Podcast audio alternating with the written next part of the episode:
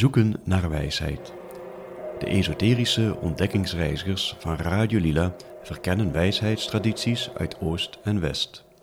Wij ontrafelen de tijdloze spiritualiteit in ons dagelijks leven. Met behulp van maandelijkse thema's speuren we in de schatkamers van mystieke ideeën. Scherpzinnig, luchtig en voortdurend op zoek naar geestelijke rijkdom. Dat is Radio Lila.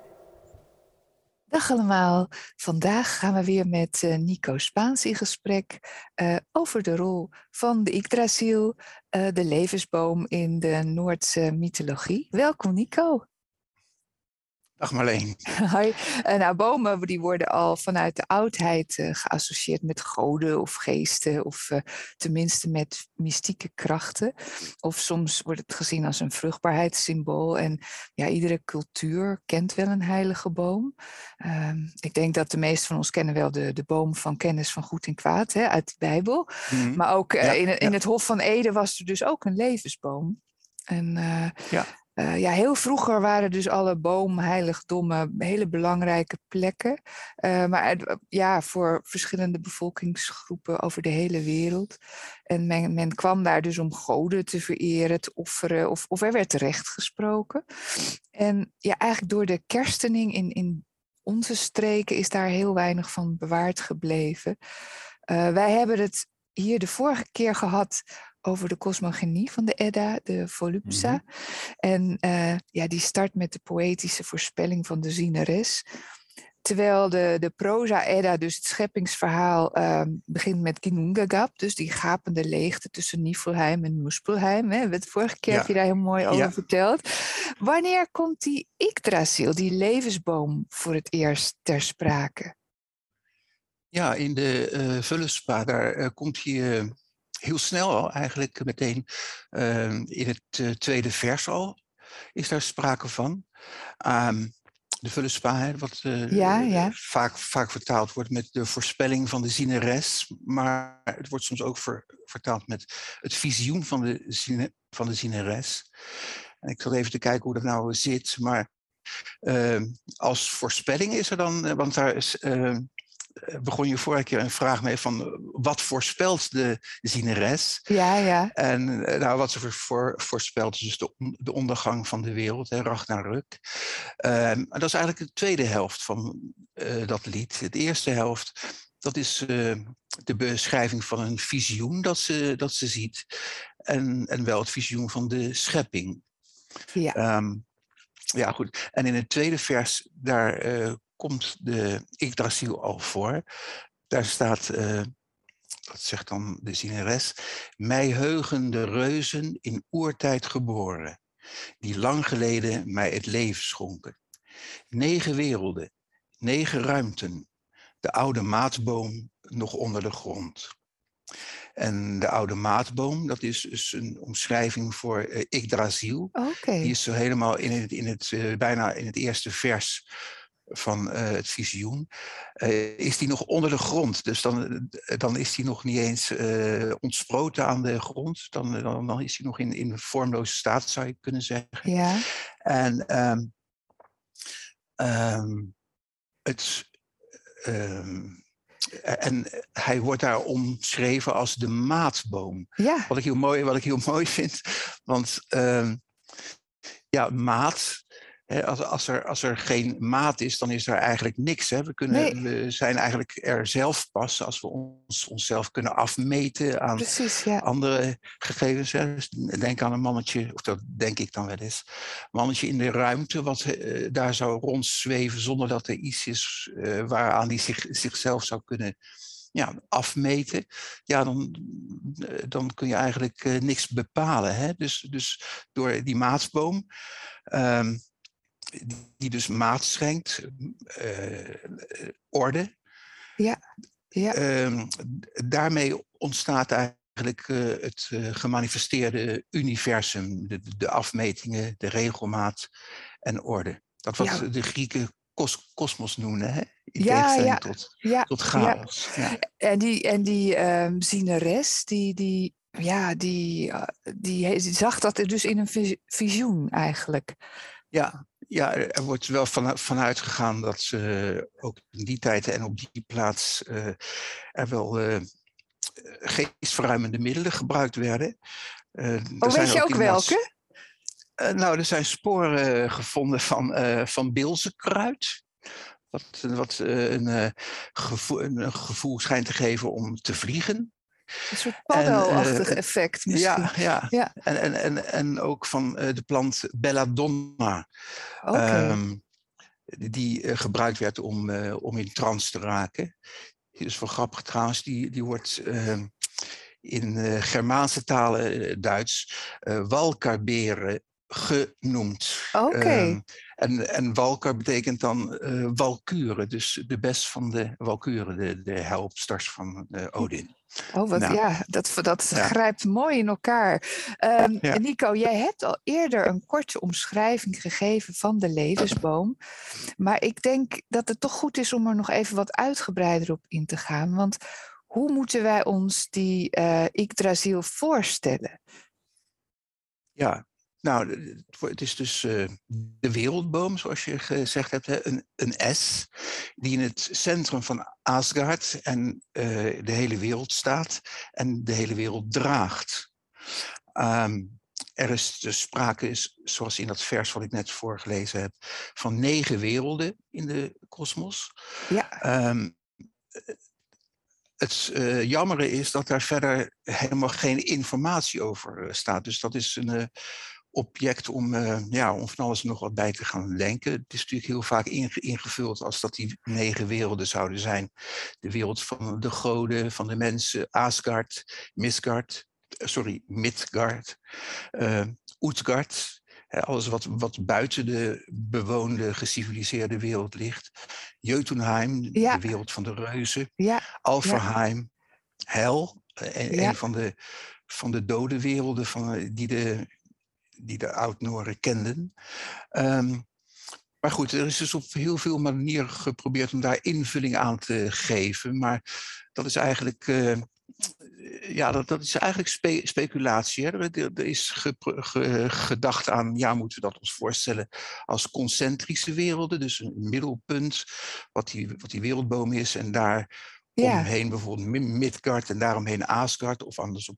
Of, uh, dat zie je vaak op plaatjes, hè? Dat ja, dat ja, zo precies. is opgebouwd. Ook, ja. inderdaad van die voorstellingen van op plaatjes, ja. Het wordt ook wel voorgesteld als werelden boven elkaar. Dan is Midgard is de middenwereld en, en Hel is, uh, is dan de, de, onderste wereld en Asgard de bovenste.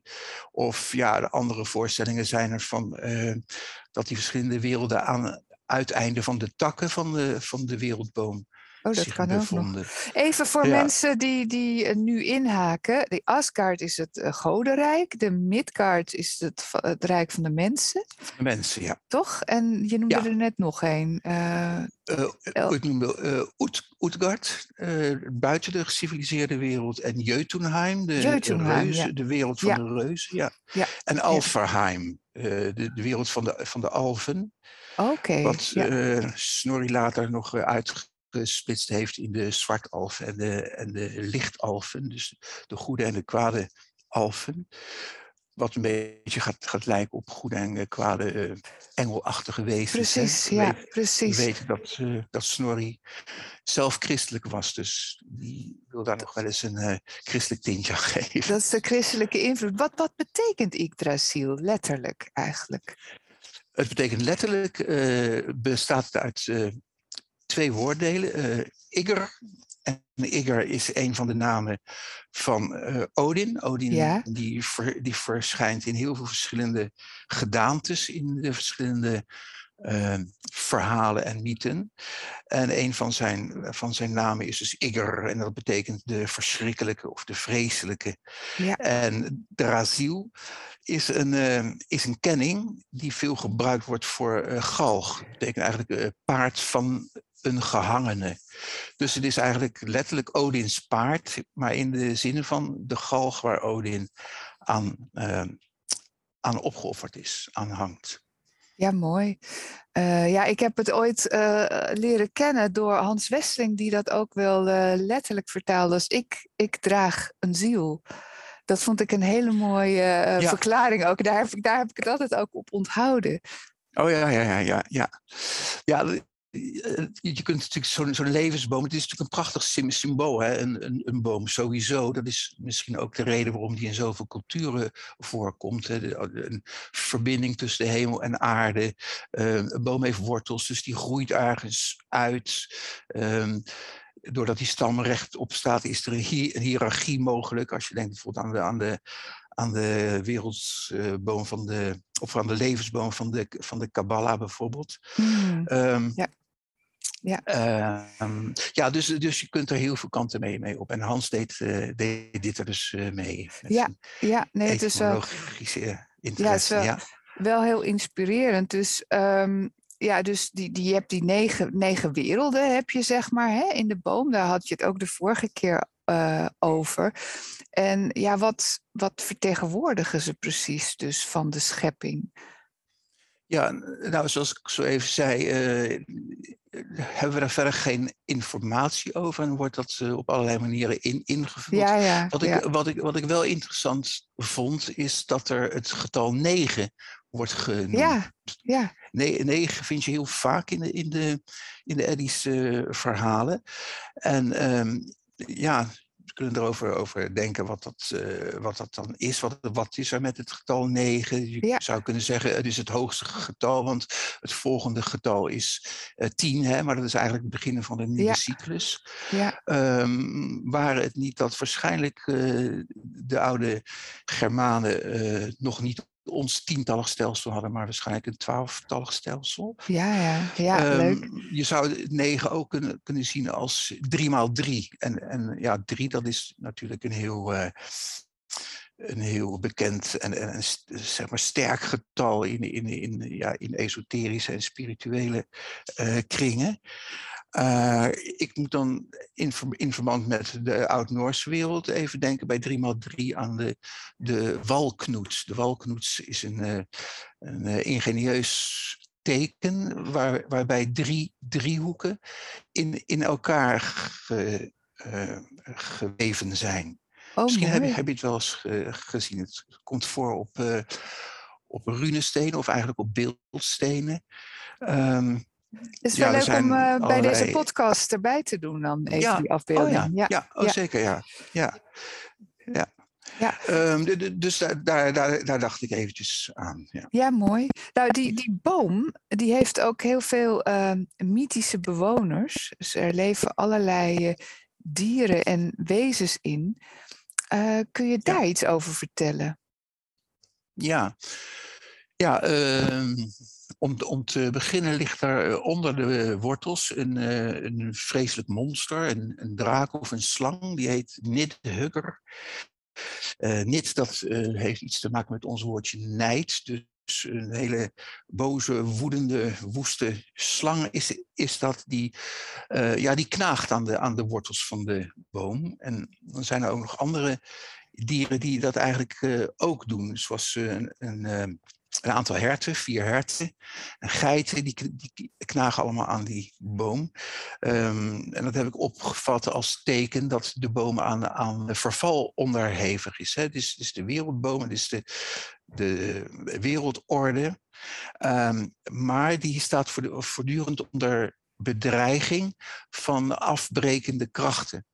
Ehm, die dus voorgesteld worden door, door die herten, door, die, door het monster. Onder, onder de boom ligt ook nog, eh, liggen ook nog heel veel slangen die er ook geen eh, goed aan doen. Nee. En zo zie je dus dat ehm, de eh, wereldboom wordt voorgesteld als, ja, als, ehm, als een soort spanningsveld. Hè? Oftewel, de wereld wordt voorgesteld als een spanningsveld tussen opbouwende en, en afbrekende krachten. Ja. En dat zien we vaker terug eh, in de, in de, denkwereld. Ehm, Denk bijvoorbeeld aan, aan Thor en de reuzen. Ja. De reuzen die, die de wereldorde eh, eh, dreigen te verstoren. En Thor die dan weer tegen, tegen de reuzen vecht. Of de zon en de maan, die eh, altijd achterna gezeten worden Ja. door, door wolven die, Ja. die ze dreigen te verslinden. Ja, mooi is dat. Ja. Ik, ben, ik vind, ben zelf een grote fan van die eekhoorn, eh Ratatosk, ja. Dat is dus ja. die zo als een soort boodschapper de hele tijd tussen de kruin van de boom en de wortels heen en weer gaat. Hè? En hij is Ja, eh, volgens mij een soort het, het, het beetje juice-kanaal van de boom, zo zie ik het dan. Ja, ja. Of de, de paparazza, eh, paparazzo moet ik zeggen. ja. En hij zorgt dus ook voor een soort eh, ja, Babylonische spraakverwarring. ja Ratatosk zou je ook kunnen zien als... eh, we hebben, eh, eh, oh, dat ben ik nog even ver- vergeten te zeggen. Boven in de boom, daar zit een adelaar. Met tussen zijn ogen een, een valk die, ja, die, die, de, die de hele kosmos overziet, de hele wereld overziet. En onderaan de boom daar huist dus eh Nidhugger, die draak. En Ratatosk, ja, lijkt een soort, soort ja, die, die rent de hele tijd van boven naar onder om allerlei boodschappen door te geven. En het lijkt een beetje op die derde factor die er tussen twee krachten altijd is. Hè? eh, Yin-yang, eh, Ja. de opbouwende, de afbrekende Ja. krachten. Dat, zou, ik, zou ik op die manier eh, in kunnen vullen. Dan heb, je, dan heb je ook nog onder de boom de bron van Urt. En ehm, ja. want die boom moet natuurlijk ook een beetje verzorgd worden en voeding krijgen. Dus die, heeft die bron daar iets mee te maken? Er staat inderdaad dat eh, daar eh, een Norn woont, eh, de bron van, van Oert. En die iedere ochtend schept die eh, leem, staat er dan, uit de boom, uit die bron. En giet dat over de boom heen. Eh, Ja. Ik ben nog vergeten te vertellen dat ze ook, ook de stam van de boom is aan verrotting onderhevig. Dus het gaat niet al te, niet al te best. Nee, Dus hij moet wel onder, onder, onderhouden worden. ja, Ehm, en eh, dat is de, dat is, eh, de bron van Oert, waar, waaruit een Norn gekomen is met dezelfde naam Oert. Het is waarschijnlijk zo dat oorspronkelijk was die bron, dat was Oert. En later is, is dat geperf, gepersonifieerd Oh, ja, naar ja. een eh, Naar vrouw. ja, Naar maar- een Norn, ja. ik dacht dat er drie Noornen waren. Ja, klopt. Ehm, eh, die komen ook eh, voor in, in een vers van de Völuspa, wat ik misschien even mag voorlezen. Ja, tuurlijk. Ehm, het is vers 12 en 13. Een. S weet ik, een, een S weet ik te staan. Yggdrasil heet hij. Aan de bron van Oert staat hij, eeuwig groen. Daar komen vrouwen vandaan. Veel weten ze, drie. Uit de bron die eronder ligt. Oert heette de ene, de andere Verdandi. Zij sneden de rune. Skoeld heet de derde. Wetten maakten ze. Een leven kozen ze voor de mensenkinderen. Een lot voor de mensen. Dus dat zijn inderdaad de drie Noornen. Mooi. Aan de bron van, eh, van Oert. Ze heten, zoals ik zei, eh eh, Oert, Ver- Verdandi en Skoelt. Ehm, En dat wat- wordt meestal, ja, wordt meestal vertaald als Oert, verleden, hè, de oertijd. Ver- Verdandi, het heden, het, je zou kunnen zeggen het wordende, Verdandi, Ja. het wordende. En de toekomst, de schools, de, de schuld, niet in christelijke zin hoor, maar gewoon eh, de schuld die we te vereffenen hebben door onze daden uit het, ver- uit het verleden. Eh, Ja, ja. nogmaals, niet, niet in christ- christelijke zin dat we schuldige wezens zijn, maar dat is de toekomst. Hè. Daar moeten we eh, de dingen recht gaan breien die, die we hebben laten liggen in het verleden. En, en ja. Oert is dan de personificatie van die bron, toch? Ja, ja. Ehm, wat dus misschien later gekomen is, er is in Ja. andere, andere eh, Ja. eh, bronnen ook, ja, bronnen, ook eh, sprake van, van meer Noornen hoor, soms heel veel Noornen zelfs. Ehm, eh, die, vers- die verschijnen bij de geboorte van een kind om zijn of haar levensloop vast te stellen.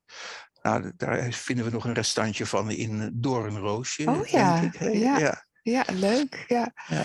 Ja maar, mooi maar, de, het. maar, maar de enige Noorn eigenlijk die op verschillende plaatsen eh, alleen voorkomt, dat is Oert. Ja, Inderdaad als eh, personificatie van wat dan heet Oerder, Broener. ja, Ehm, en eh, Oert, dat is een oud-Noors woord. maar in het Engels hebben we de term uh, weert. En in het Oud-Hoogduits woord. En dat betekent allemaal lot. Niet, niet als een, een persoon, dus niet als een, als een vrouw, maar als een macht die het leven van de mensen bepaalt. Ja, want dat is dan inderdaad ook wel goed om je af te vragen. Heb je binnen dit systeem dus van de Noordse denkwereld eh, überhaupt wel zoiets als wilsbeschikking? Of, of zou je kunnen zeggen dat het gewoon het lot van de wereld, maar dus ook van jou als persoon, nou, eigenlijk al helemaal vast ligt? Ja, nou, dat, dat lot, eh, dat, uh, dat speelt wel een hele grote rol. Uh, hij ligt niet voor, voor niks aan, aan de wortels van de wereldboom, hè? aan de wortels van de wereld, van het ja. wereldgebeuren. Daar ligt het uh, lot. Maar men zag het waarschijnlijk niet als de afwezigheid van zelf iets te zeggen hebben, zelf iets te kiezen hebben. Maar eerder als, als de manifestatie, het tevoorschijn komen van iets wat latent al aanwezig was. Zoiets. Ja. ja. ja. en dan was er ook nog een tweede bron. Dat was de bron van Mimir. Wat symboliseert uh, die bron?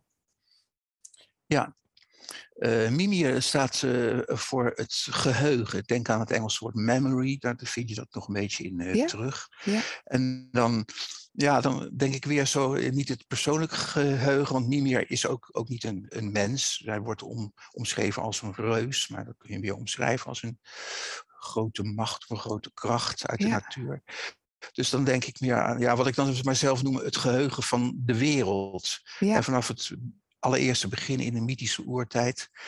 Je moet dan soms ook denken aan een begrip uit het Hindoeïsme, volgens mij, de Akasha-chroniek, waarin ook alles opgetekend is, hè, wat, wat er gebeurd is en misschien zelfs nog wat er gaat gebeuren. Ja, ja. Um, en um, die, wordt, uh, die bron van Mimir wordt ook vaak de bron der wijsheid ge, genoemd. Wat er al een beetje op duidt dat uh, het geheugen, wat men zeer belangrijk vond, uh, uh, gelijk staat aan wijsheid. Hè? Als je dingen weet uit het verleden, dan, dan beschik je over een bepaalde wijsheid.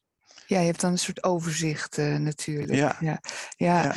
ja want, want dat is op zich wel mooi. Hoe, hoe verhoudt eigenlijk deze, deze Yggdrasil, hè, met die, die, die kennis daarvan, zich met levensbomen uit bijvoorbeeld andere culturen, zoals de Ashvata uit de Vedische cultuur. En die had het net al over de kabbalistische levensboom. Ja, ja nou, in, inderdaad uh, komen, die, uh, komen de levensbomen in heel veel culturen voor. Uh, en dat is het frappante, vaak ook, ook met, uh, met dezelfde details. Hè? Bijvoorbeeld in de, in de Ashvata komt volgens mij ook, ook die adelaar voor, of, of de valk helemaal bovenin. En dat is best wel uh, apart, dat, uh, ja. dat al die dingen op een bepaalde manier terugkomen. Ja, dat is zeker verpand. Als het mag, wou ik nog even iets toevoegen aan, aan, het, aan het idee van, van de bron. Ja. Um, uh, in, de, in, de, in de Oud-Noorse wereld werden, werden bronnen ge, gezien als, uh, als toegangspoorten of, of overgangsgebieden naar de andere wereld. De wereld van het lot, de wereld van de goden of de wereld van, van de doden, de overleden voorouders. En um, daarom werden bronnen vereerd. Uh, daar werd in, in geofferd. Ja. Er werd bij gebeden of wel gemediteerd, gemijmerd. Um, en niet alleen uh, bij bronnen, maar ook bij andere grensgebieden, zoals, uh, zoals een moeras of ja. een meer, ja. of een rivier of een zeekust. Um, er zijn ook uh, in archeologisch opzicht heel, hele kostbare en waardevolle en interessante dingen gevonden. Juist altijd in moerasgebieden of een, ja, natte gebieden. juist omdat men, men, men daar eten in eh, offerde, maar dus ook kost, kostbaarheden. Ja, ja. En uh, later uh, werd door uh, paus Gregorius III in de, in de 8e eeuw het, eh, het vereren van bronnen verboden, bijvoorbeeld. En in de 12e eeuw was er een bisschop in IJsland die de heidense geesten uit uh, bronnen wilde verwijderen. Oké. met, wij, ja. met uh, wijwater. Ja, ja, nou ja, misschien ja, is dat wijwater ook weer een gevolg van die, die bronverering natuurlijk. Ja, dat is eigenlijk ook water. Hè? Ja, water met water. Nou ja, dat, ja. dat hoeft niet te kloppen. Dat verzin ik echt ter plekke. Nee. Uh, Overigens, uh, uh, in het sprookje van vrouw, vrouw Holle valt een meisje in een, in een bron hè, of, of in een waterput. En ja, die komt dan terecht in de wereld van vrouw Holle. En Holle zou je dan kunnen vertalen als de wereld van het verhulde, het geheime, het, okay, het ja. uh, onzichtbare of misschien ook uh, de hel. Een van de dodenrijken van de Oud-Noorse denkwereld. En dan in, in, hel niet in onze christelijke betekenis voor een afschuwelijke plek, maar ja, zeg maar gewoon de wereld van waar de je doden, vertoefde. Ja. ja, van, van de doden. Ja, Ja, ja. nee, precies. En nou, nou gaan we even terug naar, naar Odin, want die hangt op een gegeven moment ook aan die boom toch? Aan de uh, ja. ja, het uh, staat ook uit, uitgebreid in het gedicht Havamaal uh, beschreven.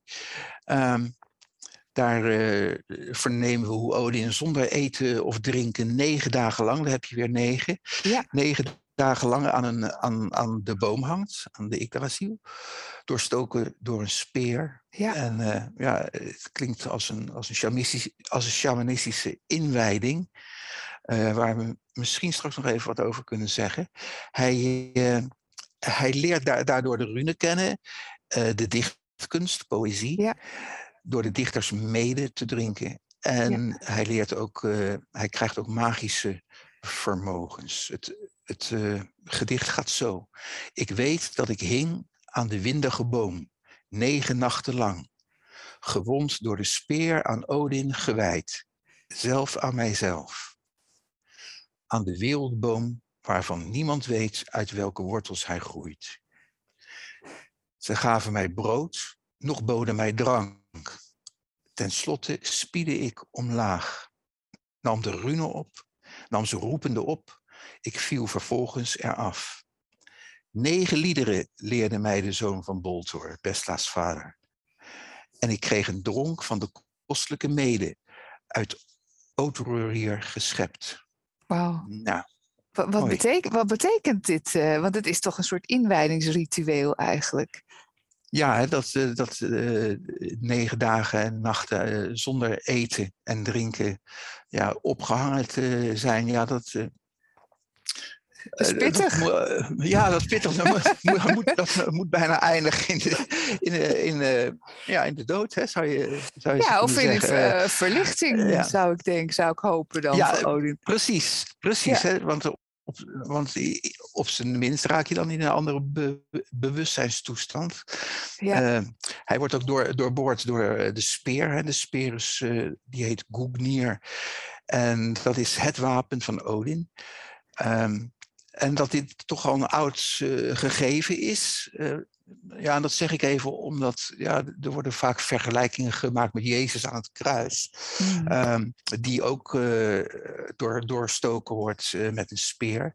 Ehm, maar het, het is toch best wel al een oud gegeven, want in de 9e en de 10e eeuw, dus nog voor de kerstening van het noorden, wordt die eh, in gedichten van Skalde Oh, Oké. heer van de speer ge- genoemd, ja. of uh, Gungnir Schudder. Ja. Ehm, en de associatie met ophangen, eh, met, met eh, opgehangen worden, is ook al oud. Met kennissen als hanggod, de gehangene, heer van de galg of last van de galg. En, en misschien En, moeten we ook eh, even zeggen voor mensen die dat niet weten, dat, dat ze hij niet aan zijn nek hing. Hè? Want dan zou hij meteen, echt meteen dood zijn geweest natuurlijk. Maar hij hing aan zijn Ja, voeten. natuurlijk. Ja, ja dat, eh, dat, denk ik, dat denk ik. Ja. Dat, dat staat nergens duidelijk hoor. Maar je kunt, eh, denk ik, heel bezwaarlijk negen nachten, negen dagen aan, aan je nek hangen. Dus Ja, ja, dat, nee. dat, dat zal ja. Ja. Ja, ik moet, ik moet soms ook even denken aan, aan rituelen die ik wel eens op op eh, tv bij Indianen heb gezien, hè, die dan met haken aan Ja. hun, Ja. eh, aan, aan, eh, Ja. door de huid op hun rug hangen. Ja, Ja, dat is We afschuwelijk. weten het niet ja. precies. Ik heb het wel eens live gezien bij een theatergroep die dat uitvoerde. Dat was ergens oké. in de, in de Oh, jaren negentig heel bizar. Ja, nee, dat Oh, is redelijk, redelijk heftig. Hij offerde ook een oog in de bron, toch, Odin? Ja, die eh, offert hij in, eh, in de bron van Mimir.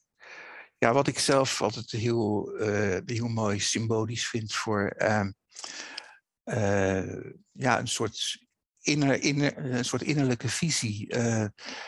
Mimir, eh, zoals ik al zei, staat voor het geheugen. En, en daar heeft Odin dus eigenlijk altijd kijk op, altijd contact mee met het geheugen van, van de wereld, met de wijsheid die in die bron huist. Ja. Eh, ja, dat vind ik zelf altijd heel erg eh, mooi. Ja. Denk je, of, of zijn er aanwijzingen dat dit hele ritueel van het ophangen ook binnen bepaalde stammen dus is uitgevoerd hier in deze streken? Of was het echt puur symbolisch? Ja, er zijn wel enkele aan, aanwijzingen eh, dat dergelijke eh, initiatierituelen echt hebben plaatsgevonden. Ehm, waarbij de, de, de inwijdeling dus eh, door honger en dorst bijna om het leven kwam. Ehm, bijvoorbeeld de Tacitus, een- Romeinse geschiedkundige, die schrijft in de eerste eeuw na Christus al over mensenoffers bij de Germanen. Die, eh, eh, en die mensenoffers werden dan altijd aan Merc- Mercurius gebracht. En Mercurius, dat is eh, zeg maar eh, Tacitus een equivalent voor, voor Odin. Wat hij altijd gebruikt. Want ja, de Romeinen moesten natuurlijk eh, het, een, het een beetje begrijpelijk maken. En die noemden dan eh, eh, Odin Mer- Mercurius bijvoorbeeld. Ja, Ehm, ja, verder heb ik. Ja, verder heb ik al even, eh, even genoemd, zo even, dat, eh, eh, dat het al voorkomt in, in die oude Skaldische gedichten, hè, de, de gedichten van de, van de Skalden. Dus het, het zal in, in het echt ook wel hebben plaatsgevonden, denk ik. Ja. Ja. nou ja, meestal eh, eh, zijn de verhalen ergens op gebaseerd. Hè? En dan eh, op een gegeven moment ver- transformeren ze en zijn mensen vergeten waar ze vandaan komen. Ja, precies, ja. Dat heeft Fraser in zijn boek De Gouden Tak legt dat heel mooi uit. Dat al Oh, die ja, ja. rituelen uiteindelijk weer vergeten zijn en, en ja, daardoor niet meer te herleiden zijn bijna. Ja, ja. Ja. Ja. Ehm, mooi is dat. Je had het net al even over de, de mede. Ehm, En eh, nou ja, de mede, dat komt natuurlijk eh, voor in het verhaal van Kvasir. En eh, ja, Mhm. ik ben natuurlijk schrijver en het verhaal van Kvasir, dus de wijste van Asgard. zijn hele legende is wat mij betreft de beste verklaring ooit over het ontstaan van de dichtkunst. Ja. kun jij ons ja. hierin, hierin inwijden, Nico? ja. ja, ik ga een poging doen. Ja, Nee, maar ehm, daar, eh, hij krijgt in- inderdaad het drinken van, eh, van de dichtersmede, hè, eh, wa- wa- waardoor hij geïnspireerd raakt. In de Havamaal eh, staat dan, ik begon te wassen en wijs te worden, te groeien en goed te gedijen. Van, van een woord kwam mij woord en weer een woord. ja, Van een daad kwam mij daad en nog een daad.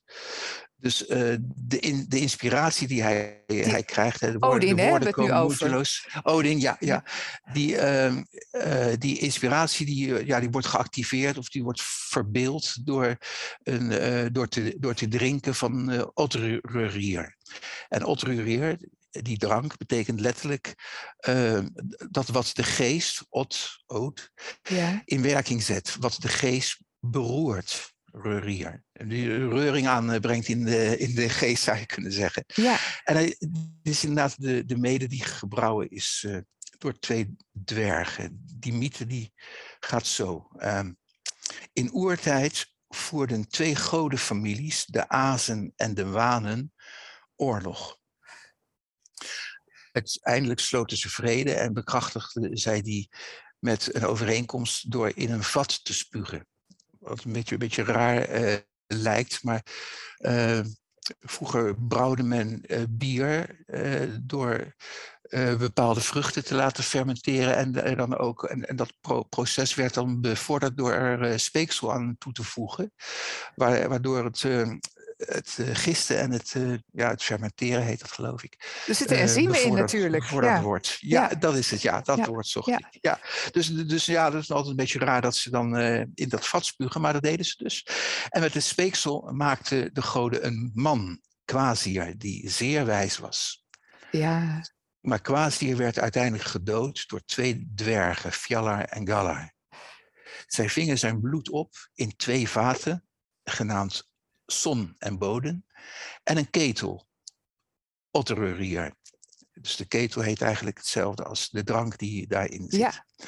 Door het bloed van Quasir te vermengen met honing ontstond de mede die, zoals, dan, zoals, dat, zoals er dan staat, die ieder die ervan drinkt tot een dichter of een wijze maakt.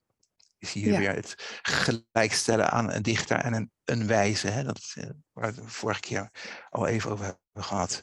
Um, in kennis, in, in, in kenningen wordt de dichtkunst dan ook uh, wel genoemd bloed van Quasir of uh, drank van de dwergen. Of de poëzie wordt genoemd uh, de zee van Odririer, zon en bodem. Ja, maar... Mooi, uh, een mooi verhaal. Want hoe... Uh, wacht even hoor. Maar Quasir, die uh, gaat toch... ja, die is, die is er dan natuurlijk niet meer.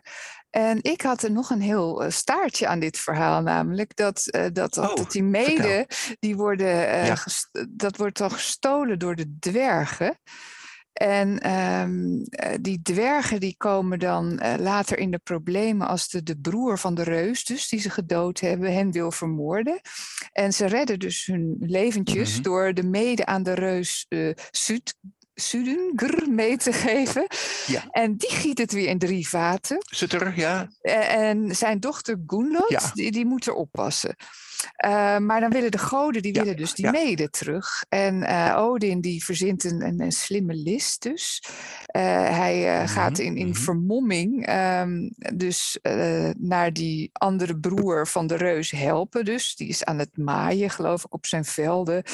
En door een of andere magische wetsteen in de lucht te gooien, gaan al die um, andere maaiers, die, die maken elkaar af met, die, met hun zijzen. En uh, nou, daar kan Odin dus al het maaiwerk overnemen. En dat doet hij dus op voorwaarde dat hij van de mede mag drinken.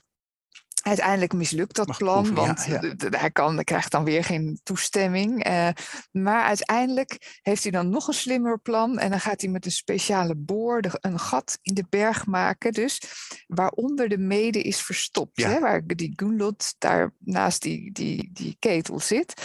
En hij verandert zichzelf dan in een ja. slang om naar binnen te gaan, Odin. En dan, dan gaat hij nog de, de, de Gunlot, de reuzendochter, verleiden. Hij, en dan nou, blijft drie dagen nog bij haar. Hè? En dan drinkt hij in één teug ja. al die mede op. En hij vliegt in de vorm van een adelaar weer weg. En, Adelaar, ja. hij wordt onmiddellijk achterna gezeten dat stukje heb ik niet helemaal paraat. Maar in ieder geval, er, er vliegen nog wat, wat, vliegt wat achter hem aan. Hij verliest wat van ja. die mede in de mensenwereld, heb ik altijd begrepen. Maar de, hij, het meeste komt het weer terecht in die godenwereld, waar die, de ketens al klaarstaan. Maar dat beetje, wat dus verloren is buiten Asgard, dat is dus voor iedereen beschikbaar. En dat is dus eigenlijk ja, ja. de inspiratiebron ja, voor, alle, voor al onze dichters poëten. Ja, ja, ja, mooi. ja, dus ja, ja dat, is, dat, dat is de uitgebreide versie, zeker. Ja, mooi, dankjewel. Ja, ja ik vind het zo'n leuk verhaal. Ik, ik heb er weinig paraat hoor, uit de Edda, maar deze vind ik zo verschrikkelijk leuk. Dat, uh, ja. Nou, Nico, ik wil je ontzettend bedanken voor uh, al deze uh, wijsheid. En uh, nou, we gaan, we gaan er de volgende keer weer op door. Ja, gaan we doen. Ja, jij ook hartelijk bedankt.